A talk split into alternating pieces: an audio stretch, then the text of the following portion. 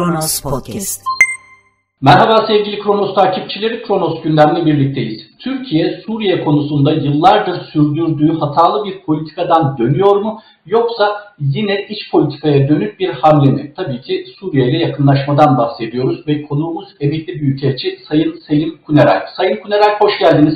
Hoş bulduk Mehmet Bey. İyi yayınlar dilerim. Çok teşekkür ediyoruz katılımınız için. Sayın Kunarak serbestiyette çok dikkat çeken bir yazı kaleme aldınız. Orada Putin'le nereye kadar başlığını attınız. Fakat içerikte de çok altı çizilecek cümleleriniz vardı. Mesela onlardan biri Putin'in Türkiye'de Erdoğan yönetiminin devamını isteyeceği şeklindeydi ve bunun için acaba seçimlere dönük bir hamlede gelebilir mi? Bu çok büyük bir soru işareti. Çünkü takipçilerimiz de hatırlayacaklar. Amerika Birleşik Devletleri'nde Trump'ın seçilmesi meselesinde dahi Putin'in bir şekilde Amerika Birleşik Devletleri'ndeki seçimlere müdahil olduğu iddiaları söz konusuydu ki bu tam olarak kapatılmış bir dosyada değil. Fakat şu an Türkiye'yi daha yakından ilgilendiren konu tabii ki Suriye ile gelişmeler. Tüm bu başlıklara Suriye üzerinden başlayalım istiyoruz. Esad'la görüşme gerçekleştirilecek ki çok çabuk oldu. Siz de dikkat çekmiştiniz yazınızda. Soçi'deki görüşmenin hemen ardından başladığı için dikkat çekiciydi. Buradan başlayabilir miyiz? Esad'la Türkiye'nin tekrar görüşmeye başlamasında Putin'in payı var mı? Yani öyle okumak gerekiyor gibi geliyor. Çünkü biliyorsunuz Soçi'ye gitmeden önce Sayın Erdoğan işte harekata başlayacağız, eli kulağında falan. Gerçi bugün de aynı şeyi söyledi. Malazgirt'in işte yıl dönümü törenleri vardı.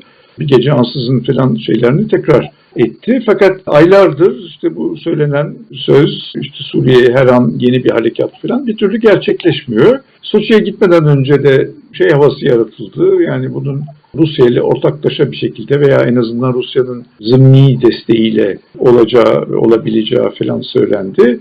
Fakat bu olmadı. Tersine Putin Sayın Erdoğan'a bir an önce Esad'la görüşmeyi salık verdi.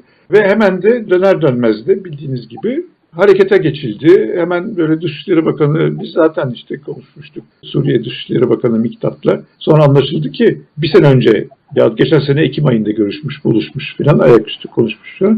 O böyle bir 10 ay hiç gündeme gelmemiş olan bir görüşme birdenbire gündeme getirildi. Sonra Azez'de ayaklanma gibi bir şey oldu. Türkiye'nin destek verdiği Rusların ve Suriye rejiminin terörist diye gördükleri insanlar ayaklandı. Türkiye bizi terk edecek falan. Sonra işte bilmem biz esasında böyle dememiştik, şöyle demiştik filan. Yani belli ki tabii Rusya'nın bir baskısı var ama sadece Rusya'nın baskısı da değil, Türkiye'nin içinden de gelen bir baskı var. Biliyorsunuz işte bu mülteci meselesi bütün kamuoyu ve siyasi partilerde filan böyle bir öncelik haline geldi. İşte mültecileri geri göndermek filan bunun pek olası olmayacağını düşünüyorum ama. İçeriden gelen baskıya değindiniz. Oradan devam edelim. Muhalefet bunu sık sık dile getiriyordu. Esad'la görüşmelerin başlaması gerektiğini. Bununla birlikte mülteci sorunundan dolayı toplumsal bir itiraz da yükselmeye başlamıştı. Fakat şimdi Adalet ve Kalkınma Partisi'nin de yer aldığı Cumhur İttifakı bu iç ve dış baskı nedeniyle mi Esad'la görüşmeyi kabul etti ya da görüşmek istiyor? Yahut Türkiye'de yaklaşan seçimlerin gündemi değiştirmek, dış politikayla ilgili yeni bir algı oluşturmak gibi bir gayretle mi böyle bir görüşme isteniyor? Sizin bu konudaki gözleminiz nedir deneyimlerinize dayanarak? Türkiye'de sizin de söylediğiniz gibi sadece esasında iktidar partileri değil, Millet İttifakı partileri hatta bilmem hangi gözlemciye soracak olursanız, hangi yorumcuya bakacak olursanız işte herkes Esad'la konuşmak lazım, işte yeni bir politika lazım falan gibi şeyleri söylüyorlar ve epiden beri söylüyor. Hatta işte CHP tam hatırlayamayacağım ama yani birkaç seneden beri Suriye meselesinin ama hep böyle yani mültecilere yönelik olarak mülteci meselesinin çözümlenmesi, işte mültecilerin geri gitmesi için filan Esad'la işte konuşmak gerektiğini söylüyorlar. Bu yeni bir şey değil ve tabii işte seçim öncesinde de bir takım başarılara ihtiyaç var iktidar açısından. Böyle bir takım faktörler gündeme geldi. Öyle anlaşılıyor ki işte ciddi bir askeri harekat gündemde değil. O zaman böyle bir takım siyasi eylemlerle bir takım neticeler almaya çalışmak işte en azından işte yola koyduk. Suriye ile ilişkiler bir düzene oturdu. Düzene oturduktan sonra da yavaş yavaş işte bu mülteciler geri gider falan gibi böyle bir hava yaratmak. Yani tabii ki iç siyaset önemli bir faktör yani bu atılan son adımlarda. Ama tabii bu adımlar netice verir mi? O isterseniz onu daha ileriki bir aşamada konuşabiliriz. Mülteci konusu malumunuz bizdeki uygulama gereği uluslararası hukuktaki gibi hukuki bir karşılığı yok. Biz daha çok sığınmacı yahut da misafir statüsünde hatta dini literatürden de faydalanılarak ensar muhacir yaklaşımında bulunduk. Fakat gelinen noktada sizin de belirttiği gibi gerek muhalefet partileri gerekse toplumsal muhalefet iktidarı da şu noktaya getirdi. Evet Suriye'nin kuzeyinde bir operasyon yapmalı ve orada düzenleyeceğimiz yeni yerlerde mültecilerin bir kısmını oraya göndermeliyiz. Bunu artık Cumhur İttifakı'ndan da yüksek sesle duymaya başladık. Bir de Tabii. siz bunun gerçekçi olduğunu düşünüyor musunuz? Yani Esad yönetiminden uluslararası platformlarda açık bir söz almadan Türkiye'ye gelen sığınmacıların dönmesini mümkün görüyor musunuz? Hayır. Yani bu e, mümkün değil. Dediğiniz gibi uluslararası hukuk açısından bir farklılık var diyelim. Çünkü Türkiye bu mültecilere, mülteci demedik işte misafir dedik, başka tabirler de kullanıldı. 2015'ten beri yani bu akımlar başladığından beri Birleşmiş Milletler Mülteciler Sözleşmesi'nin verdiği korumayı Türkiye onlara vermedi. Çünkü işte sınırlamamız var. O sözleşmeye 1951 sözleşmesine taraf olduğumuz zaman ancak batıdan gelen kişiler o zamanlar işte Demirper'de Sovyet bloku filan oralardan gelenlere Türkiye resmi mülteci statüsü veriyordu. Suriyelilere vermedi. İşte onlara onun için misafir dedik filan. Hukuki açıdan bir farklılık var ama pratikte ben çok bir şey değiştireceğinden emin değilim. Çünkü bu insanları böyle otobüslere falan yükleyip de 3 milyon küsuru otobüslere yükleyip de göndermek mümkün değil. Kuzey Suriye toprakları. Ama bu insanlar yani Türkiye'dekiler oradan gelmiyor ki. Yurtları orası değil ki oraya dönmek istesinler. Kaldı ki orada Kürtler otururdu. İşte böyle bir etnik temizlikle Kürtleri kovup yerlerine başka yerlerden, Halep'ten, Laskiye'den, Şam'dan gelmiş bir takım insanları zorla oraya yerleştireceksiniz. İşte o briket evler dedikleri yerlere falan yerleştirecekler herhalde. Niyet o. Ama bu mümkün değil yani. Bunu ne kendileri ister oraya gitmeyi, geldikleri yerlere işte Şam, Halep, Laskiye veya başka yerler oraya dönmelerini de zaten rejim istemez. Eski komşuları diyelim istemez. Çünkü diyecekler ki ya siz gittiniz 10 sene falan ne kadarsa Suriye dışında işte keyif yaptınız, işte iyi şartlar altında yaşadınız falan. Biz burada işte bombalar altında, yokluk içinde, sefalet içinde yaşadık. Şimdi geri geliyorsunuz falan. Muhtemelen eski mülkleri işgal altındadır. Rejime yakın insanlar işgal etmiştir filan. Yani bunların geri dönmesi pek olası değil. Kaldı ki bir takım araştırmalar da yapıldı Türkiye'de işte bu mülteciler arasında. Geri dönmek istiyor musunuz, istemiyor musunuz filan. Seneler geçtikçe geri dönmek istemeyenlerin oranı artıyor. Sadece Türkiye'nin değil, uluslararası alanlarda yapılan bir çalışmanın sonucu, hatırlattığınız çalışma. E, insanlar sığındıkları yerde vakit geçirdikçe, geçirdikleri süre uzadıkça dönme fikrinden daha da uzaklaşıyorlar. Türkiye'de de böyle bir gerçek var. Peki Sayın. Kurak, Türkiye'ye sadece Suriyeliler gelmiyor. Bu süreçte Afganistan ve Pakistan başta olmak üzere yine doğudan bir akın söz konusu. Bu konuda hükümet çok eleştiriliyor. Çünkü sınırlarda hiçbir tedbir alınmadığı, bunun kasıtlı olduğu söyleniyor. Siz şu fikre katılıyor musunuz? Türkiye'de orta vadede bir demografik değişim hedefleniyor, tedbirleri var. Böyle bir şey gözlemliyor musunuz? Risk Güvenilir rakam bilmiyorum çok fazla var mı? Yalnız bir şey var mesela sık sık rastladığım bir rakam. İşte 10 senede Türkiye'de doğan Suriye kökenli çocukların sayısı işte 100 bini bulmuş. Yani onlar işte Türkiye'de doğdukları için işte Türk vatandaşı sayılıyor. Türkiye'de okula gidiyorlar. Türkçe öğreniyorlar. Belki Arapçayı evde aileleriyle konuşuyorlar ama yani böyle gittikçe entegre olmuş vaziyette. E şimdi o çocuklar buradayken ana babalarını nasıl göndereceksiniz? Ana babalar da mı bir müddet sonra Türk vatandaşı mı olacak? İşte kimisine göre siz de basından siz de görüyorsunuz. İşte galiba iktidar 200 bin falan dedi vatandaşlığa geçmiş olanlar. Ama bu 100 bin çocuk dahil mi değil mi ondan emin değilim. Başkaları da işte 1,5 milyon diyor, 2 milyon diyor filan. Yani hangisinin doğru olduğunu doğrusu ben kestirecek konumda değilim. Evet yani Türkiye hudutları kevgir gibi.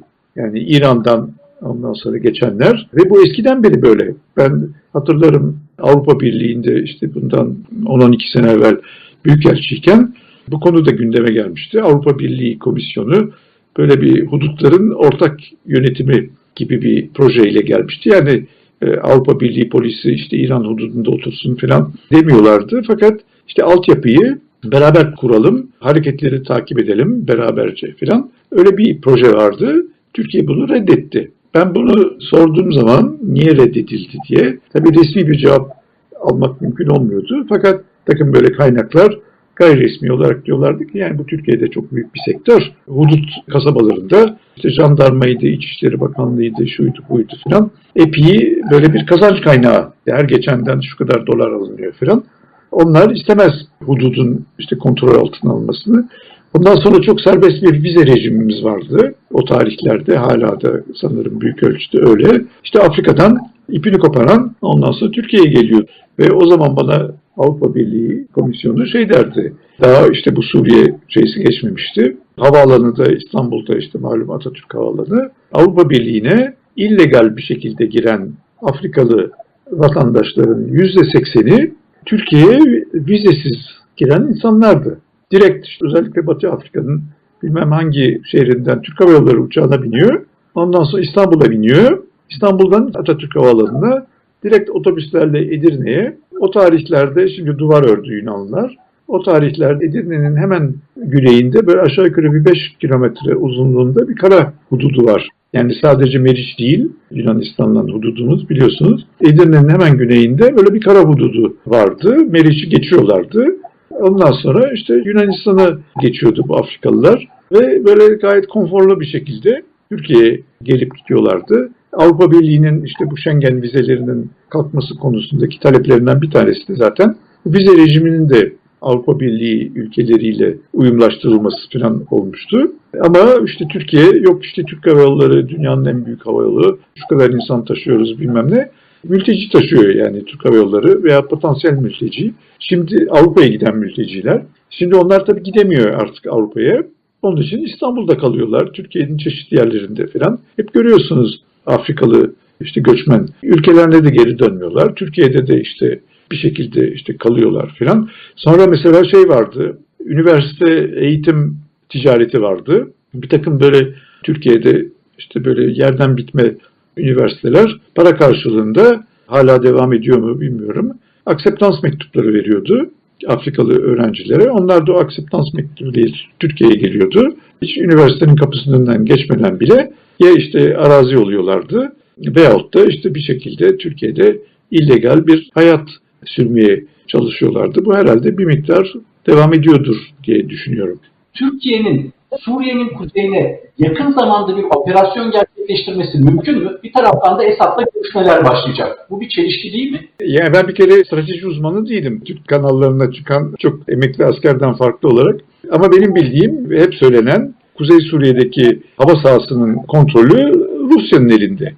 Ve böyle bir ciddi bir operasyonu yani hudutlarda şimdi yapıldığı gibi nokta atışları şunu etkisiz hale getirdik, bunu etkisiz hale getirdik falan dışında yani topyekün bir askeri harekat için hava savunması lazım ve o da yok. Yani Rusya buna izin vermedi. Birincisi o. İkincisi bence yine hani askeri uzman olmadığımı da vurgulayarak şimdi bu en azından Mart ayından beri geliyoruz geliyoruz işte bugün değil yarın, yarın değil belki öbürsü gün falan bir gece, bu, bu gece, yarın gece falan.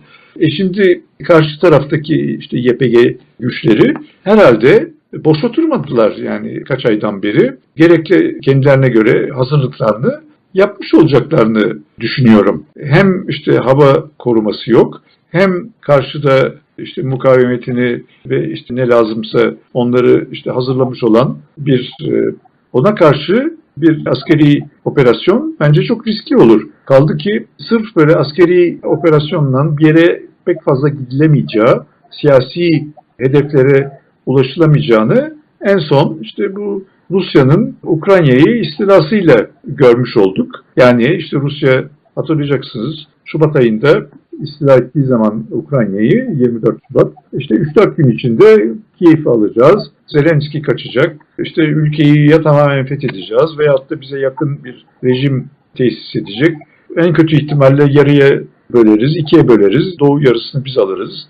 Batı yarısında da işte böyle bir kukla rejim kurulur falan gibi bir hedefle yola çıktı Putin. E, bu hedeflerin hiçbirisini 6 ay geçtikten sonra ulaşamadı. Ulaşamadığı gibi muazzam bir kayıp verdi. Tam bir rakam telaffuz edilmiyor ama 15 bin ile 70 bin arasında zayiat, Rus askeri zayiatı olduğu söyleniyor. 100 milyarlarca para harcadı. Yani Türkiye'nin bir yıllık milli geliri kadar bir parayı bu savaşta yedi.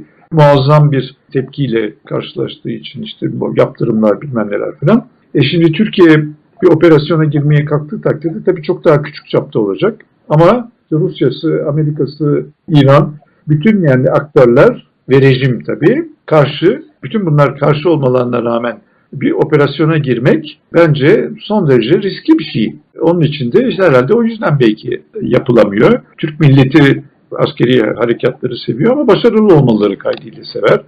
Bu tespitiniz, hani Türk milleti askeri başarıları seviyor tespitiniz doğal olarak şu soruyu sorduruyor. İçerideki milliyetçi oyların mobilizasyonu için mi böyle bir operasyon düşünülüyor? Çünkü yüksek sesle de ifade ediliyor muhalefet tarafından. Fakat muhalefet daha önce bu tür operasyonları eleştirmekle birlikte destek oldu. Sizce bu defa Tabii. muhalefet ayrışır mı bu konuda? Muhalefet dış politika söz konusu olduğunda şimdiye kadar hangi konuya bakacak olursak olalım işte Ukrayna politikası, Avrupa Birliği politikası, işte Libya vesaire vesaire, İsrail filan çok fazla böyle eleştiri yapmıyor. Bazen beklemediğim cinsten eleştiriler oluyor. Mesela bu İsrail ile karşılıklı büyükelçi ataması fikrini işte iktidar gündeme getirdiğinde CHP karşı çıktı. İşte Filistinleri satıyorsunuz falan gibi beni biraz şaşırtan bir tepki gösterdi. Sayın Kuneral başlangıçta da belirtmiştik. Putin'in daha önce Amerika Birleşik Devletleri dahil farklı ülkelerde seçimlere müdahale ettiği iddiaları vardı ki bunlar aslında çok üst düzey iddialardı. Ve Türkiye'de şimdi yaklaşmakta olan seçimle ilgili de bu tür iddialar var. Siz de serbestiyetteki yazınızda bunun altını çizdiniz. Aslında bir Türk vatandaşı olarak ben ürperiyorum böyle bir durumda. Evet gelişen teknoloji, internet dünyası akla türlü çeşitli ihtimaller geliyor ama siz bu tezinizi neye dayandırıyorsunuz? Daha önceki söylentilere mi Putin'le ilgili yahut farklı bir takım duyumlarınız mı var? Özel olarak Türkiye ile ilgili bir duyum sahibi olduğumu söyleyemeyeceğim. Fakat Putin'in mesela Fransa'daki son başkanlık seçimleri öncesinde para yardımında bulunduğunu duymuştuk. Marine Le Pen'in partisine bir Rus bankası hiçbir iade edilmemiş olan böyle birkaç milyon euroluk bir kredi verdiği filan söylenmişti. İşte Amerika'daki seçimlere de müdahale ettiğine dair bilgiler, duyumlar vardı. E, Türkiye'de de şunu da kabul etmek lazım ki yani Putin'in ve yandaşlarının bir hayli destekçisi var. İşte geçenlerde bu öldürülen Darya Ina vasıtasıyla bunu görmüş olduk. İşte Avrasyacı akımlar Türkiye'de son derece kuvvetli ve onlar da işte Rusya ile Türkiye arasında böyle gayet kuvvetli bağlar istiyorlar ve bu bağlar hukukmuş, demokrasiymiş, bilmem neymiş filan insan haklarıymış falan onları pek fazla dikkate almayan hedefler. Dolayısıyla biraz böyle bir, endişe yaratıyor bende yani. Önümüzdeki seçimlerde Putin işte bu Türkiye'deki atmosferden yararlanacak mı? Bir de Türkiye'de biliyorsunuz yıllardan beri çok kuvvetli bir Batı karşıtı, Batı düşmanlığı akımı var. NATO'dan ayrılmanın vakti geldi mi yahut da NATO'dan ayrılmanın vakti gelmedi mi? Türkiye malumunuz bir NATO üyesi. Bununla birlikte Avrupa Birliği Türkiye'nin hep doğal hedefi olarak kabul edilmiştir. Ne kadar eleştirilirse eleştirilsin Türkiye'nin yönü batıdır. Fakat son yıllarda sizin de belirttiğiniz gibi Putin ve yandaşlarını sıkı bir şekilde destekleyen kimi gruplar yönün doğuya çevrilmesi gerektiğini söylüyor. Sizce Türkiye'de yakın dönemde bir kırılma mı yaşanacak yahut da buna bir hazırlık mı var? Ne gözlemliyorsunuz bu konuda? Eksen konusunda. Kırılma bana sorarsanız yaşandı bile. Yani şu anda iktidarı da sorduğunuz zaman, muhalefete de sorduğunuz zaman böyle bir şey yok. Yani muhalefet bile zaten muhalefet dediğimiz böyle parça parça altılı masada ben böyle bir homojen bir şey görmüyorum. Bakış açısı mesela Saadet Partisi işte normal eski Erbakan çizgisinden gidiyor. Yani Batı karşıtı. Diğerleri işte CHP'nin içinde ulusalcı kanat son derece kuvvetli hala. İyi Parti zaten işte MHP'nin Bahçeli olmaksızın bir şekli ve dolayısıyla dış politikasında işte çok büyük böyle bir Türkiye'yi Avrupa'ya yaklaştırmak gibi bir hedefi olduğunu ben görmüyorum. Zaten şimdiye kadar bir tane böyle bir Mart ayındaydı galiba böyle bir ortak bir kağıt çıkarttılar. Orada işte Avrupa Birliği'nden üç kelimeyle bahsediliyordu. Yani onlar muhalefetle çıkıp biz iktidara geldiğimiz zaman işte Türkiye'nin yönünü tekrar batıya çevireceğiz. İşte batı değerlerini, hukuku bilmem neyi filan öne alacağız. Türkiye'yi tekrar işte müzakere sürecine sokacağız filan gibi bir şeyler söylemiyorlar. Yani tersine iktidar kadar radikal söylem demin de bahsettiğim gibi mesela İsrail konusunda işte bizim CHP karşı çıktı. İsrail'e büyükelçi atanması fikrine falan. Yani bu kırılma bence de yaşandı yani. Bu ileride olacak bir şey. Ya Şimdi NATO kaldı.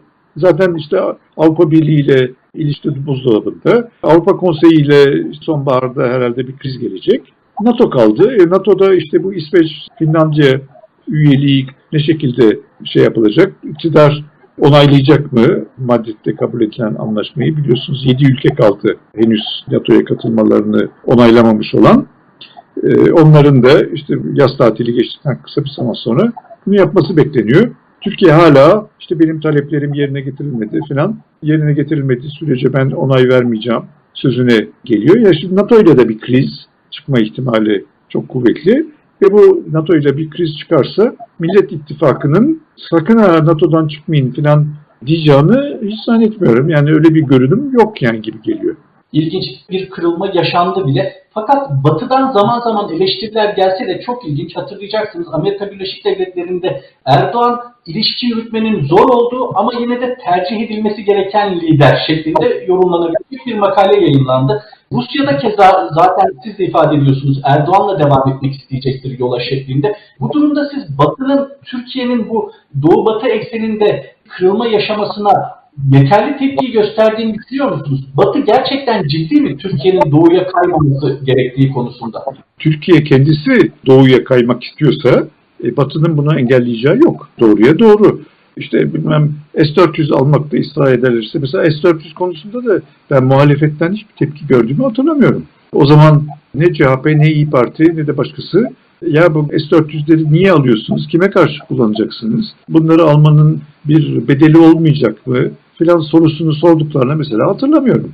İşte Kıbrıs politikası, işte bilmem Doğu Akdeniz politikası konusunda ya biraz itidallı gidelim, işte uzlaşmaya çalışalım falan dediklerini hatırlamıyorum. Bilmem HDP belediye başkanları görevden alınıp içeri atıldığında muhalefetin bir şey dediğini hatırlamıyorum. Yani bu böyle topyekün e, batıdan kopma şeysi var. Batı da ne yapabilir? Yani Türkiye batıdan kopmak istiyorsa iktidarı ve muhalefetiyle batının yapacağı çok fazla bir şey yok. Ha ne yapabiliyor? İşte şimdi yaptığını yapıyor. Alternatifler arıyor. İslam'da üst kuruyor. Bilmem Bulgaristan'da üst kuruyor falan. Ona gidiyor. Kıbrıs'ta üst kuruyor. Türkiye'den yavaş yavaş çekiliyor.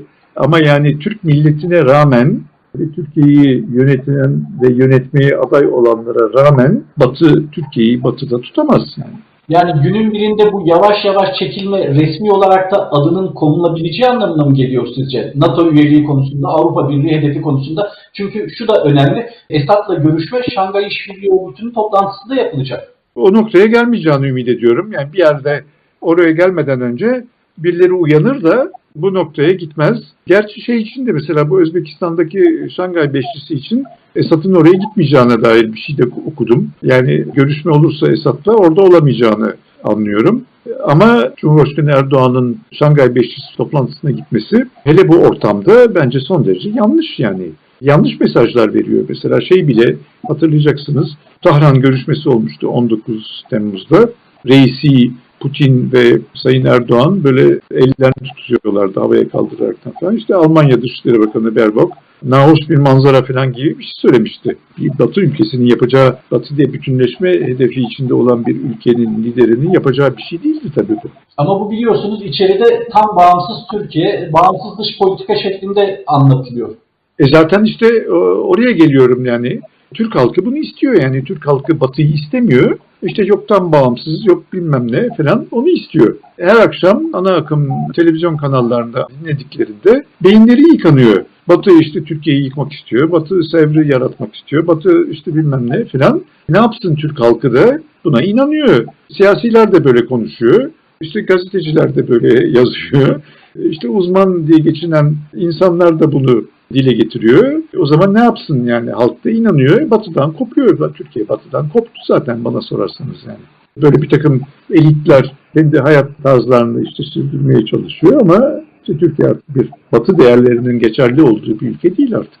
Sayın Kunerel çok teşekkür ediyoruz bu değerlendirmeleriniz için. Eklemek istedikleriniz varsa onları alalım son olarak. Yok çok teşekkürler.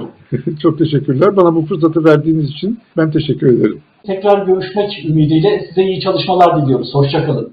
Sevgili Kronos takipçileri, Kronos gündemde konuğumuz emekli büyükelçi Sayın Selim Kuneralp'ti. Suriye'nin kuzeyine bir operasyon düşünmüyor. Cumhurbaşkanı Erdoğan sık sık tekrar ediyor. Fakat bu konuda sahada nasıl bir durumla karşılaşacak Türkiye çok riskli olacağını belirtti Sayın Kuneral ve altı çizilecek hususlardan biri de Suriye dışında da bölgede ve genelde siyasi anlamda Türkiye ve Rusya'nın hiçbir alanda ortak menfaati olmadığını belirtti. Tekrar Kronos gündemde buluşmak üzere. Hoşçakalın.